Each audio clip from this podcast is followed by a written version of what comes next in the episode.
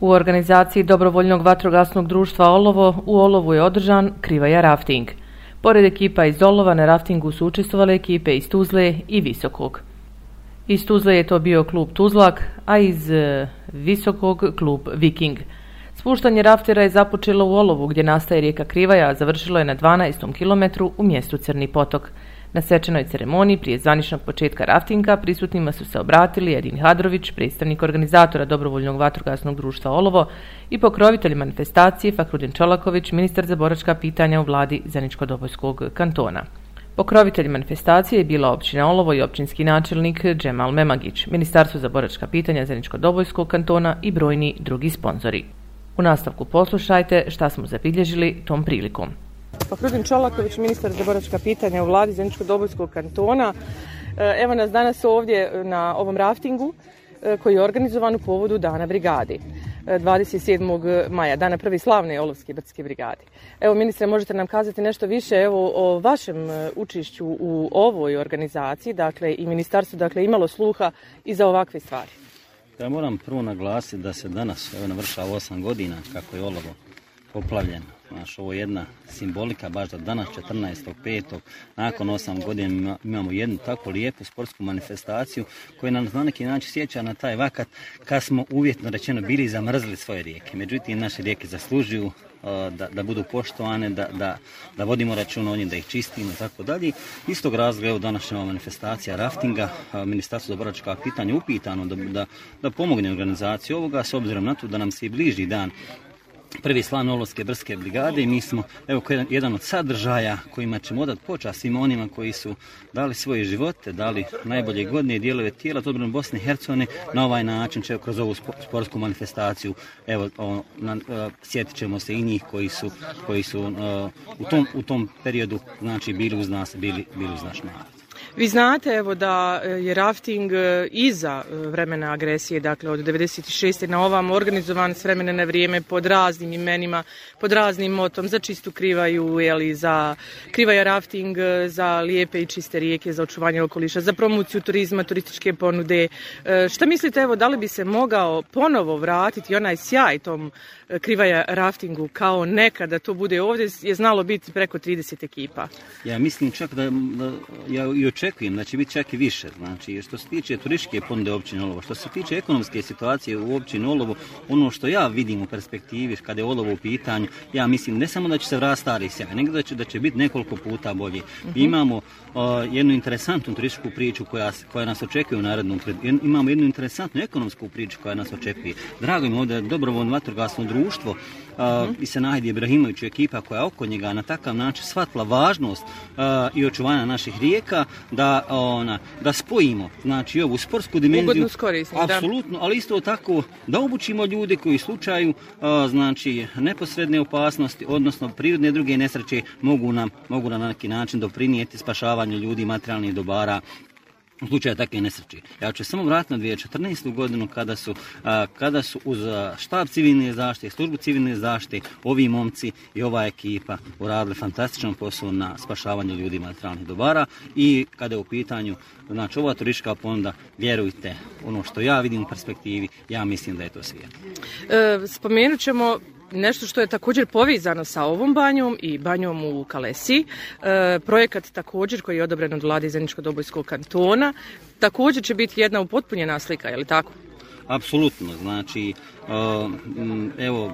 Solun, da ne zaboravim. Apsolutno, apsolutno, evo, ova priča uh, zelenog vira, ona se upotpunje kroz, kroz bungalove. Naravno, o tome će općinska administracija koja uh mhm. -huh. više i općinski način koji o tim stvarno više zna, uh, zadatak vlade Zeničko Dobojskog kantona kroz resorna ministarstva, da budu suport u realizaciji takvih projekata, znamo da. ko je nosilac tih aktivnosti Međutim, kada je u pitanju Solunska bana, banja s obzirom da dolazim s tog kraja, meni je bilo posebno zadovoljstvo što sam na neki način mogao biti koordinator u obezbeđivanju dijela sredstava u ovom trenutku. Do, da imamo uh, akumulirani 250.000 konvertih maraka. Mislim da, da je općinska administracija raspisala javni poziv za pozivanje firmi koje su spremne da krenu, odnosno da počnu realizaciju takvog projekta. Uh, evo, kako sam već rekao, znači, ta turistička priča na području općine Olovo ja mislim da će biti dobro zaokružena e, e, i e, kroz razvoj ekonomije na području općine Olovo. Mislim da i oni čak što su nekad otišli neki možda se neće vratiti iz, iz, razloga ona, ne, voli, ne voli korak nazad, međutim ja smatram povratak u Olovo da će biti korak naprijed. Hvala vam evo na svemu što činite evo za svoj grad, jeli iz kojeg dolazite u, u ministarstvu u vladi Zeničko dobojskog kantona. Vidite kako je važno imati svog čovjeka tamo na izvoru dakle dešavanja, tamo gdje je bliže vatri da tako kažemo. Pa evo ja mogu se pohvaliti jednom dobrom suradnjom koju vlada Zeničko dobojskog kantona ima sa općinom Olovo. Na neki način, evo moja lična, ali sve, svi, svih nas jeste dužnost da vratimo lokalnoj zajednici ono povjerenje koje je lokalna zajednica nama ukazala u određenom trenutku. Ja mogu reći da sam olovski čovjek, ali isto tako ja sam i, i, i vareški, i tešanski, i brezanski i tako dalje. Međutim, emocije su, kada su u pitanju takvi projekti, ne samo projekti ministarstva, nego i ostale projekti vlade Zeničko-Dobojskog kantona, projekti, i to želim zaista da pomenem, projekti kanton uprave civilne zaštite, znači od kako je došao gospodin Đavid Haličić, znači imamo fantastičnu suradnju kada je u pitanju, čak i ovaj projekat, da. E, znači dobromatrovskog društva, rafteri i tako dalje, znači njihovo uključivanje službe civilne zaštite, sve je to doprinos kanton uprave civilne zaštite gdje je zajednički e, sa lokalnom administracijom napravi jedan, e, jedna, jedna zajednička cjelina koja ima sportsku, sigurnosnu, ekonomsku i svaku drugu dimenziju. Da, vrlo je važno imati jaku civilnu zaštitu, evo pogotovo ovim vremenima koja je nekako izvisi nam svima iznad glava e, nepovoljna je li sigurnosna situacija, čak i vremenske nepogode nekako da i ne idu nam baš pa na, ja se mogu složiti s vama iz razloga što je moje matično radno mjesto u službi civilne zaštite i evo komparirajući e, period kada gospodin Đa, Aličić nije bio direktor civilne zaštite i sada kad jeste, njegov odnos prema Olovu, a i ostatku kantona je zaista fantastičan, radi dobar posao, evo rezultat se hvala Bogu vidi kroz realizaciju niza projekata, kroz nabavku vozila za, za čišćenje snijega, za, za spašavanje i tako. Da, da, da, opremanje u kompletu civilne zaštite. Ono što bih htjela još samo da naglasiš evo ovom prilikom, s obzirom da nam se bliži 27. maj, aktivnosti su u toku, pripreme, e, šta je ono zašto je li ministarstvo još e, izdvojilo je li sredstva da bi se dostojanstveno obilježio 27. maj? Pa evo ja očekujem znači, da, da će u početku naredne sedmice nadležna služba Granočke voletske zaštite općine ovo proslijediti ministarstvo pitanje kompletiran zahtjev za realizaciju projekta obilježavanja dana prve slavnosti 110. Uh Olovske brske brigade. Ono što će se, znači, pored ovih sportskih aktivnosti, futbala, znači, evo raftinga, znači, mi ćemo imati svečanu akademiju koja će najvjerojatnije biti 27. na dan formiranja brigadi, gdje ćemo, evo, evo, ja se koristim prilikom da pozovem sve branioce koji su, znači, dali svoj doprinos odbrani Bosne i Hercegovine, pre svega Olova, da dođu do veličaju to, znači, kroz svečanu akademiju, posle toga ćemo imati jedno zajedničko druženje, uh uz razmjenu iskustava isto. Da, lijepo. Eto, hvala vam na svemu što činite i još jednom evo čestitamo svim borcima 27. maj, dan prvi slavni, odnosno 110. ovo je njihov mjesec. Evo ja se koristim prilikom da, da čestitam zaista svim onima znači koji su dali svoj doprinos odbrani Olova i odbrani Bosne i Hercegovine. Ja nikad ne propuštam priliku da prezentiram ne samo na Zeničko dobojskom kantonu, nego u Federaciji Bosne i Hercegovine hrabrost olovskog čovjeka. Mi znamo da je Olov herojski, herojski grad, da su ovdje ljudi znači dali zaista svoj poseban doprinos odbrani Bosne i Hercegovine i mi koji dolazimo s ovog kraja nikada ne smijemo dozvoliti da se to važi. Da, i vjerovatno ćete obići šehidsko mezarje, je li tako? Apsolutno. Odati počast šehidima i poginulim borcima. To, su, ona, to se podrazumijeva. To se podrazumijeva, te, te stvari nisam, ona, nisam pomenuo kada su u pitanju odavanja počasti, ona, a to vjerovatno ste pratili kroz medije. Znači, bukvalno smo svaki, svaki drugi dan otvaranju spomene obilježja na, na odobravanju sredstava za iste dodavanje počasti svima onima koji dali život za odbranu Bosne i Hercegovine, jer ljudi koji zaborave svoju prošlost imat će problema sa svojom budućnosti. Ja pokušavam pa da svo vrijeme da ukazujem na te stvari i hvala Boga eto budi se svijest o važnosti očuvanja tekovina odbrane Oslobodlačkog rata. Muris. Muris Bulić. Bulić. E, predsjednik rafting kluba Tuzla. E, divno, predsjednik rafting kluba, dakle sve informacije imate. Koliko imate članova, otkad postojite? Pa, rafting klub Tuzlak e, postoji od 2020. godine. E, čine ga stari, iskusni rafteri i jedna mlada ekipa kojoj se to svidjelo, to što mi radimo i što smo obećali da ćemo sa osnivanjem novog kluba raditi. Rafting klub Tuzlak znači, postoji od 20. godine, radi na ekološkim projektima, na očuvanju voda, a zatim idemo na te vode čiste Da, da. jeli, i ovaj, pokušavamo da se družimo, da raftujemo. Eto, to je neka naša Širom namjera. BiH i vjerovatno i van Da, granica. ap- Apsolutno širom BiH. Neizostavna destinacija je Krivaj. Krivaj je najljepša rafterska rijeka u Bosni i Hercegovini ubjedljivo jer ja raftujem oko 25-30 godina. Prepuna je bukova, izazova, spust je dobar. A evo, ovaj, danas smo došli bili zbog Bioštice. Da. Bioštica je vrlo atraktivna zato što se nalazi u nenaseljenom dijelu ovaj, i, i veoma je čista. Međutim, ne- e, zbog niskog vodostaja odlučeno je da ipak se samo spustimo niz Krivaj. O, već imamo fanove za Biošticu, i, ali ne možemo utjecati na to ovaj, da, da li će biti vode ili ne. I mi ćemo uvijek dolaziti u olovo. Ovaj, Jeste e, bili već na nekom od raftinga, s obzirom da su organizovani u proteklom periodu sa manje ili više prekida? Pa, ja Vjerovatno da jeste. 2005. na Da, da, da, da, odlično. Da, da. Krivaj. Mhm.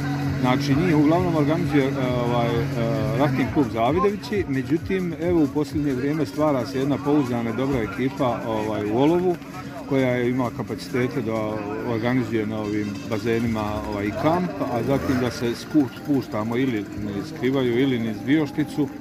Niz Biošticu sam se spustio dva put, ovaj, doveli smo o, naše prijatelje iz Banovaca, starih, o, jedne veoma iskusne raftere, o, rafting klub Pustolov i oni su veoma zadovoljni Biošticom, o, je bila povoljna voda i evo kažem ovaj, na, naša je namjera buduće da u naš kalendar, naš program rada za svaku narednu godinu uvrstimo ovaj rafting na Bioštici pa ćemo vidjeti gdje će on završiti na Bioštici ili na Krivoj. Da, da. Nažalost, evo ne možemo na Bijašticu, ona jeste izuzetno izazovna za sve raftere, to znam. I do 2005. sam pratila rafting i organizovala ih je turistička zajednica Zeničko-Dobojskog kantona, pa jednom par puta u stvari također zajedno sa Atomom iz Zavidovića i oni su organizovali to. Pa onda imali smo kajak kanu rafting klub ovdje u Olovu, međutim sve to nekako vremenom se gasilo i evo došlo je do ovog vremena da se ponovo, jeli, začne Reaktivira, da. da, reaktivira sve to, jer imamo krasne rijeke kao što ste rekli. E, Drago mi je da kažete da zakrivaju da je izuzetno lijepa, s obzirom da mnogi rafteri ističu Neretvu, da je čak i bolja od, od, od Krivaje. Pa Neretva je interesantna zato što je na najvećim dijelom pa, prolazi e, kroz kanjon koje, oko kojeg nema ceste i Da. on je dostupan samo iz čamca da se doživi taj osjećaj.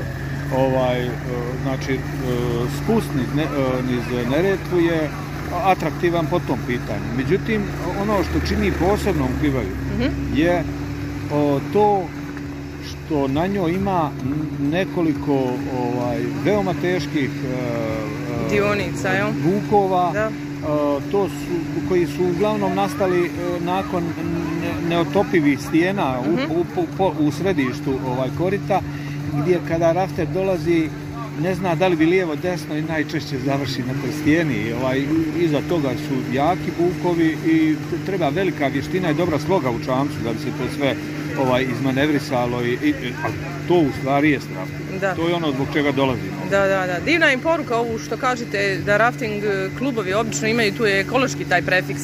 S obzirom da nažalost e, imamo mnogo onih e, nemarnih koji zagađuju rijeke. E, Ekolozi pokušavaju da usmjere sve to u tom pravcu jel, za očuvanje tih rijeka.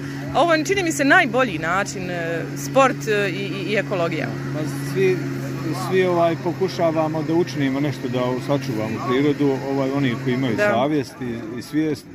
O, ali aktivno bavljenje e, sportom i boravak u prirodi gdje se aktivno čovjek bavi ovaj recimo raftingom, kajakom i tako to a, je ono što u, u suštini ima pravi smisao. Vidjet ćete da je poplava a, eko sela u suštini dva, tri točka, dvoja, troja kolica ovaj, stara vozila i krkanje je u Da, pitanju, da, da. budem tako, ovaj, da se tako izrazim. E, taj boravak u prirodi je banalizovan. mi želimo iskonsku prirodu i želimo da stvarno i činimo nešto za nju i da činimo nešto sebi boravkom ovaj, u takvoj prirodi. U stvari iz nje i dolazimo, jel? Pa, da, tako. Hvala vam puno, puno vam sreće i uspjeha želimo. Danas jel se spuštate sa prijateljima? Danas se spuštamo, evo, došla su dva čamca iz našeg rafting kluba, imamo ta, jel, s opremom smo se ovaj, snabdjeli. E, htio bih da napomenem još da, e, evo,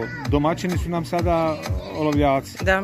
Mi u Tuzli nemamo takvu rijeku i ne možemo da budemo domaćini e, raftingu, nismo barem do sad mogli da budemo domaćini. Htio bih da najavim samo da će rafting klub Tuzlak u, ovoj godini 26. i 28. augusta organizovati regatu na Neretvi. Divno. Znači, ona je pokrivena uglavnom komercijalnim ovaj, spustovima, regatama. O, međutim, mi želimo tu nekomercijalnu, odnosno regatu za, za, za, za rafting klubove da napravimo i ljubitelje rafting klubova. Tako da imat ćemo kamp na Boračkom jezeru, imat ćemo taj spust jedan kvalitetan od 3-4 sata ni- niz onaj najatraktivniji dio Neretve. Tako da ćemo, hoću da kažem ovo, da ćemo ovaj, e, ugostiti mi olovljake, ovaj, ali na Neretvi. Pa divno, sve su to naše rijeke. Da. Bez obzira odakle vi dolazili, vi ste ljubitelji sporta i Da. uopšte ljepote i očuvanja bosansko-hercegovačkih rijeka. Puno vam sreće i uspjeha želim i evo da imate što više članova. E, hvala vam. Članova imamo tr- d- 32. E, Jasmina Omerbegović, e, Udruženje za zaštitu rijeka, riječnih slivova i ekstremne sportove Eko Viking Visoko. E, Naše udruženje postoji od 2005. godine, što je stvarno dugo, jer postojimo čitavih e, 16 godina. Ovaj, nastavljamo neku tradiciju e, već od početka, već 20 godina mi u stvari dolazimo na Krivaju. E, Kriva je nekako da, i da kažem naš e, najiskreniji prvi i možda čak i najvažniji rafting i jako nam je drago da ove godine imamo i ovu gornju etapu, odnosno ovu olovsku etapu. E, nažalost, mislim, ranijih godina bilo je super što smo imali bioštricu, onda imali smo ovu gor, gornju etapu, ali nažalost to je jel, zbog korone i ranijih nekih dešavanja u olovu moralo prestati. drago nam je što se ove godine jel, to i nastavilo. E, zahvalili bi se prije svega ovaj domaćinima e, koji su ovo organizovali i nadamo se da ovo neće biti e, jel, drugi, nego da će Da. biti ovaj, e, kako se zove, e, i nastavak, da. e, da, da neće biti u stvari zadnji. I vi ste sami potvrdili, tri etape su nekada bile. Tako je. Turistička zajednica Zeničko dobojskog kantona, pa onda imali smo kajak kanu rafting klub iz Olova, Baš pa. Atom iz Zavidovića također. tako. E, tačnije, to je sada rafting klub Krivaja. Krivaja, da. Tako je. E, bilo je ovdje raftera iz cijele bivše Jugoslavije, Baš bilo je, tako. boga mi, i van granica Jugoslavije. Sigurno, sigurno. Znam. Bilo je e, Poljaka, bilo je Njemaca, e, od svukud mislim Da, da, je da. bilo ljudi. Jeste. Ovaj, Oko 80 učesnika jednom je čini se bilo. Možda čak i više. Da, da. Ne smijem da kažem. Baš tako, kad su bile ovaj više rijeke, Jest. bilo je manje, Jest. kad su bile onako prihvatljivi vodostaj, bilo je puno više. Sjećam se kao dijete, pošto mislim, jel ja sam 95. godište, nisam baš na sve uspjela Mhm, stići, ali ovaj e, stvarno je bilo nevjerovatna količina učesnika, ne samo u Olovu, nego i u. Da, da. I mislim, rek, ono, mogu samo da zaključim da je nevjerovatno e, iskustvo to što e, jedan vikend možete da, e, Da. idete, e, odnosno da vozite ovaj gornji tok. Kriva je znači od njenog e, početka, Nastanka, da. bukvalno do, do e, gotovo do Zavidovića naredni vikend. da, da. Koliko si imala godina prvi put kad si sjela u čamac? Prvi put, ja mislim dvije i druge godine sam prvi put sjela na čamac. Aha, aha. Ovaj, to je bilo kad sam imala koliko možda, manje od 10 godina uglavnom. ono, Da, da, da. ono, Vjerovatno su ti roditelji, jeli, Jest, rafteri tako je, tako je. također. E, moj otac je u stvari e, započeo udruženje Eko Viking Visokog 2005. godine. A Sjećam zove se? e, Jasmin Ferhatović. Da spomenemo tvog Tako oca, je, da mu zahvalimo. Evo na, na, na On je tu, nažalost, spava. Aha, pa dobro, odmara. Aha, baš tako. I ovaj, želim ti evo danas e, Hvala. sretan spust. Tako je, ovaj, mirnu vodu. Mirnu vodu, jeste, tako Hvala. se kaže. E, Hrabra si djevojka, evo, re, malo čas smo rekli da si jedina danas ovdje, ali Da. ima mnogo djevojaka Jako puno ima djevojaka. e, vjerujem da to možda zvuči čudno, ali ono, vjerujte mi da je ženska ekipa u raftingu bila među prvima u Europi neki 2010. i 2012. godine, mm-hmm. tako da ono, ženske ekipe generalno u rafting kod nas su čak postižu više nego muške. Koliko da, da, da. Evo, koliko imate vi članica u vašem klubu? imamo konkretno članica pet od nekih 20 konstantnih članova, rekla bih znači da imamo članova onako simpatizera možda 50, mm-hmm. a ovaj možda od toga su recimo 20 žene. Što je onako istaknut broj, da kažem, da, da, što pa stvarno onako, e, što se tiče ovih outdoor sportova kod nas, koliko god e, možda zvučalo kod nas da je to, jel, recimo, da. muški sportovi, e, stvarno ima dosta žena koji su za to zainteresovani. Da, da, da. Gdje ste sve učestvovali na, na, na raftinzima, osim, jel, Bosne i Hercegovine, vjerojatno i van granica? Van granica bili smo u Crnoj Gori, bili smo u Srbiji, jako često idemo u Srbiju, čak prošli vikend smo bili, gdje onako, mislim, kad nekad ono odete u Srbiju, vidite da je bukvalno ono 50% žena, 50% muškaraca, da, što da, je da. super. Onako. Većinom smo u Bosni, zato što uh, je nekako ova bosanska rafting ekipa, velika jedna porodica, uh, koja ono se uzajamno potpomaže. Drago mi je što je i DVD Olovo jel, sad dio toga. Ovaj, bili smo, znači, bukvalno sve rijeke. da.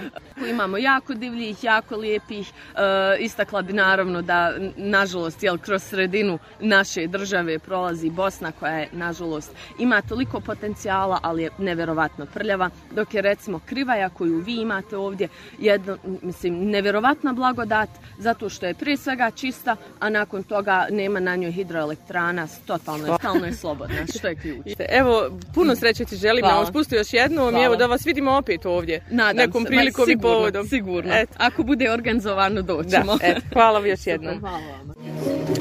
Evo nas na otvaranju e, drugog krivaja raftinga. Moramo ga nazvat krivaja rafting jer smo bioštici jel, izostavili ovaj put. S obzirom evo da je kiša, ne znam je ga spriječila da dođe danas ili već druge obaveze, jel sve onako kao što ste planirali? Pa sve ono kako smo bili planirali, sigurno da, da danas kiša znači poremetila sigurno planove ovim e, i našim sugrađama, tako i, i ovim ekipama koji su bile najavljene. Mnogi su kazali dolazak zbog e, raftinga koji se održava naredni vikend na, na, na rijeci ovaj, Krivaji i organizuje rafting klub e, Zavdovići odnosno rafting klub Krivaja iz Zavdovića. Start je njihov planiran sa, sa, sa banjim naših, dakle, tople banje i Soluna. E, kolege Srbije koji sam bile dakle najavile, nažalost otkazali su e, samo zbog tog dakle njihovog izgusnutog rasporeda tih dakle raftinga.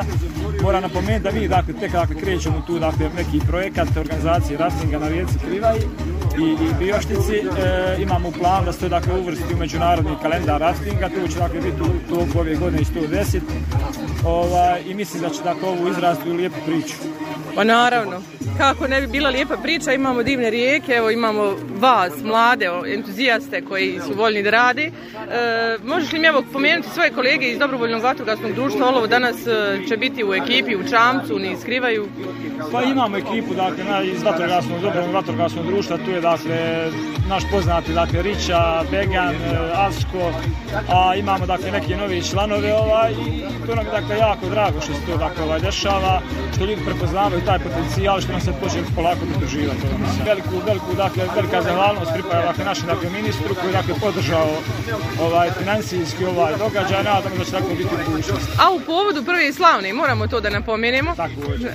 E, I da evo, čestitamo svim borcima ovom prilikom e, njihov dan, 27. maj, e, svim majkama, jel, šehida, poginulih boraca, svim živim borcima koji su nekad stajali u redovima ove brigade svakako, svakako tu dakle ne trebamo zaboraviti, a isto tako ne trebamo zaboraviti naše sponzore koji su prepoznali dakle naš rad, trud, koji su to podržali dakle financijski, da ova manifestacija polako se počne vraćati u, u, u, u naš grad. Prezentacija, dakle naša grada, prezentacija naših rijeka koje mi tu imamo, imamo potencijal, imamo e, mnogo toga što drugi nemaju i, i mislim da će to biti lijepa priča. Hvala ti Edo, puno ti sreće želim, jel se spuštaš? Spuštam, svakako. Pa naravno, sretno onda, niz tvoju krivaju. Bakrim Čirović, je li tako? Da, jesam. Prvi put, evo, danas se spuštaš e, na drugom, evo, bioštica krivaja raftingu. Da, jeste. Danas je prvi put da se spuštam na poziv prijatelja. Sam došao tu uh -huh. i već osjetim neku čar neko uzbuđenje već pred spust i imam osjećaj da će jako lijepo biti. Jel imaš malo treme? Pa dobro, ona pozitivna, Pozitivna. trema, da. Dobro, jesi kad sjeo čamac? Si Pa, pokušao? Jesam sjeo, ali tu je bilo. Da, da, da, da. Da. Dakle, ovo je tvoje danas vatreno krštenje, slobodno me reći, niz rijeku krivaju. Da, e, šta te evo povuklo da se pridružiš ekipi? Pa prije svega privuklo me dru- druženje i ta e, u našem re- regionu, našem području kažu da je e, Krivaja kao najveći adrenalin spuštanje i to i prije svega i to mi je Da, da, i svi je hvale, evo, čujem iskusni rafteri koji su obišli skoro Da, da, cijelu da. bivšu da Jugoslaviju. od jutros čujem te priče, pričamo, družimo se oni mi prenosi svoje iskustvo. Evo, Bakri, želim ti sretan taj tvoj prvi spust, da ne bude neugodan Ma i da nastaviš. da neće. ne vjerujem da hoće, jer e, imat ćete svi, jel tako, e, opremu, Da, profesionalnu. Da, da, da, da, dijelo. Da, da. Eto, sretno, bake. Hvala. Zamolio bih naše e, goste, članove, da krenemo sa prijavama i da se polako počnemo pripremati za spust. I drago mi je da se ovi čamci mogu koristiti u neke bolje svrhe, to su uživanje, promocija sporta, po- promocija turizma na području općine Olovo. Zaista svima vama čestitam i zahvaljujem i ovim koji su došli iz Tuzle i ne znam iz drugih gradova, Visokog, Jajca i tako dalje, koji su došli da zajedno s našim raftarima podijele užitak boravka na našim rijekama, mi imamo tri prelijepe rijeke, pozivamo vas da ovo ne bude samo znači, jednom godišnje, da, ovama, da ovakve aktivnosti znači, budu dio turističke ponude općine Olovo. E, iskreno se nadam s ovim projektima koje radi općina Olovo uz, uz pomoć vlade iz Zenčko-Dobovskog kantona da ćemo e, od Olova napraviti jedan jak ekonomski i jak turistički, jak turistički grad. Želim vam zaista puno sreće, da ne bude povreda, poželim vam puno sreće. Hvala vam puno. Naredni sponsor koji je podržao drugi krive je rafting, općina Olovo i Alma Ras. Pozivam Semira Regrmenčića da primi zahvalnice u ime općine Olovo i u ime Alma Ras. Zahvalnica za organizatore na ovako finom prijemu gostiju, zahvalnica gostima koji su došli iz brojnih gradova. Sa svoje strane, evo u ime kompanije Almaras mogu onaj, izjaviti da ćemo mi nastaviti podržavati ovakve aktivnosti. Nadamo se uspješnijem, boljem raftingu sljedeće godine i svakako pohvala za inicijativu i za ponovno vraćanje raftinga u naš grad. Hvala. Part City Sarajevo, Index Line Sarajevo, Brkić DOO Olovo. Emir će primiti zahvalnicu njihovo ime. Zamolio bih učesnike da polako krenemo prema vodi.